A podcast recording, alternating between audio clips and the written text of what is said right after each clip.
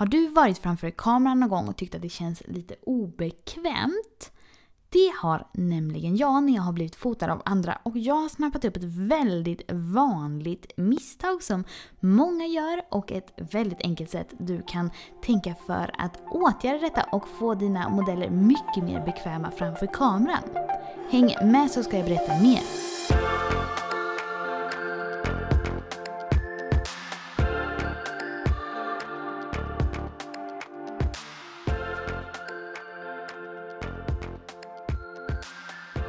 Hej och välkommen till ett nytt avsnitt av Fotopodden. Jag som gör den här podcasten heter Maria Ekblad och jag jobbar som fotograf inriktad mot gravid, nyfödd och familjer i Göteborg.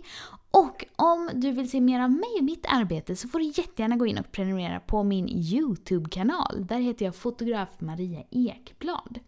Innan vi djupdyker i dagens avsnitt så vill jag också passa på att tipsa om min Facebookgrupp för fotografer som också heter Fotopodden. Där pratar vi foto varje dag och det är en jättehärlig gemenskap så om du inte redan är med där och är väldigt fotointresserad eller jobbar som fotograf tycker jag absolut att du ska gå med. Har du någon gång blivit fotad av en annan fotograf och varit på framsidan av kameran istället för bakom den? Det har jag nämligen och jag är en sån som är ganska stel. Jag kan fota massa bilder på mig själv och selfies och självporträtt men jag tycker det är ganska svårt att bli fotad av någon annan. Jag vet inte riktigt vad jag ska göra för att se bra ut på bild. Jag vet inte riktigt hur jag ska hålla händerna. Jag känner liksom att jag har vissa grimaser och sånt som kanske blir mindre fina. Ja, ni fattar. Allt det där med alla komplex och konstigheter som alla andra har. Och det finns en väldigt lätt sak som man kan göra för att få sina modeller att slappna av. Men jag har märkt när jag har fotat hos flera olika att det är ganska få som kanske tänker på den här grejen. Och eftersom det är så himla lätt åtgärdat så vill jag passa på att tipsa om det till er idag. För allt som vi vill är ju egentligen bara att de som är framför vår kamera ska slappna av så mycket som bara möjligt och ha så roligt som möjligt. Nu tänker jag som sagt inte på någon speciell fotograf utan det är verkligen jättevanligt och jag tror det förekommer hela tiden. Och det jag pratar om är att man inte ger så konkreta instruktioner. Jag blev fotad av en fotograf en gång och jag är ju som sagt lite av det stelare hållet om man säger så. Och Eh, då minns jag att han, fotografen sa till mig Se mer avslappnad ut. Och försökte också säga det, se lite gladare ut, se glad ut. Och återkom till att jag skulle se avslappnad ut. Och det är ju egentligen inte en dålig grej för man vill ju att de som man fotar ska se avslappnade ut på bild och också se glada ut. Men när man står där framför kameran och redan gör sitt bästa för att se just avslappnad och glad och härlig och allt det där ut, då blir det väldigt svårt när någon säger så. För min känsla som uppstår då är, men hur gör jag det? För hade jag vetat hur man gjorde för att se mer avslappnad och glad ut, då hade jag ju uppenbarligen gjort det. Men där stod jag och gjorde mitt allra bästa och det lyckades ju då absolut inte lät det som. Och därför så försöker jag alltid när jag fotar ha väldigt konkreta instruktioner som är lättare att efterleva för dem jag fotar. Till exempel, om jag tycker att någon kanske ser lite spänd ut, kanske skulle behöva le lite mer, kanske slappna av lite. Så förutom att jag då intresserar mig för personen, pratar jättemycket med personen, frågar om massa olika grejer kring jobb och barn och skämtar med personen. Så försöker jag också ge konkreta råd och tips. Till exempel kan jag ibland be dem att sträcka lite på sig, ibland kan man be dem att sänka axlarna lite. Och ibland så kan man också be dem att le pyttelite mer och jag brukar ofta dra något skämt om att nu är det dags för Colgate-leendet. Det kanske inte är någon som eh, kanske gör värsta smilet med tänderna men de fattar ändå kanske att jag vill att de ska le pyttelite mer. Jag brukar också vara väldigt noga med att be dem att flytta ena handen och lägg den på den här axeln. Eller kanske ha handen eller kanske ha den bortre handen på gravidmagen och den andra kan du ha i sidan. Eller försöka göra olika uppställningar. Till exempel, ja, om pappan, du står längst bak om du kommer lite, lite längre fram. Eller om du lyfter hakan lite grann.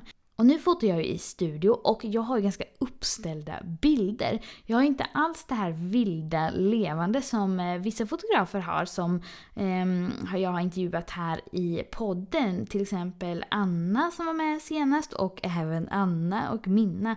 Utan jag har ju mer en studiobaserad modell. Men jag tror ändå att sådana konkreta instruktioner kan göra det mycket lättare för någon. Och det har jag i alla fall upplevt att om någon säger till mig “se gladare ut” då kan det ju vara väldigt, väldigt svårt. Men om någon istället ber mig att försöka le lite mer eller försöka som sagt sänka axlarna, ta ett djupt andetag eller sträcka lite på mig. Det är ju saker som är så himla mycket lättare för mig att efterleva. För jag tänker att det är ju vår uppgift under fotograferingen att göra våra modeller så bekväma som möjligt. Och om de framför kameran inte riktigt vet vad de ska göra, då är det ju väldigt skönt med några sådana enkla instruktioner. Och det kan faktiskt göra väldigt stor skillnad i bilden. Sen kan jag förstå att det känns märkligt kanske att be någon att le lite mer. Samtidigt så vet jag ju att de kommer vara så himla mycket mer nöjda med sina bilder om de tycker att de ser glada ut. Om det nu är glada familjebilder som man eftersträvar. Så när du fotograferar så kan du försöka titta efter de här grejerna och öva på de här grejerna. Om du till exempel vill att några ska stå i en mysig liksom, upp, familjeuppställning och då kan man ju faktiskt be att de vuxna ställer sig lite närmare varandra än naturligt. Att någon kanske lägger armen om den andra. Att något av barnen kanske håller handen på den andra barnens arm eller något liknande. För det kan ju också få bilden att se mer enhetlig ut och också det är väldigt lätt för dem att göra detta. Jag tänker också för barn kan det också vara svårt att vara framför kameran. Och då kan det också, förutom att man skämtar med dem och busar med dem, så kan man ju också be dem till exempel att sitta på någonting. Eller att man kan be dem ge sin bästa grimas och sen kanske sitt bästa leende. Så det finns jättemycket olika varianter på detta som man kan göra. Men jag tror det är jätteviktigt och samtidigt så himla lätt grej att försöka tänka på att det ska vara en konkret instruktion och inte en abstrakt. Och jag vet inte om ni kollade på America's Next Top Model när ni var yngre. Det gjorde i alla fall jag, för det är det enda fotoprogrammet som fanns på den tiden. Och jag var ju kameranörd redan när jag var mindre. Och jag tycker det har varit intressant för jag har sett eh, recensioner på gamla America's Next Top Model-program på YouTube. Och där, många som gör de här recensionerna diskuterar också väldigt mycket det. Att kritiken där som många av modellerna får är att du ser inte ut eh, att vara tillräckligt avslappnad, eller du ser inte ut att ha tillräckligt roligt, eller det här blir inte så bra.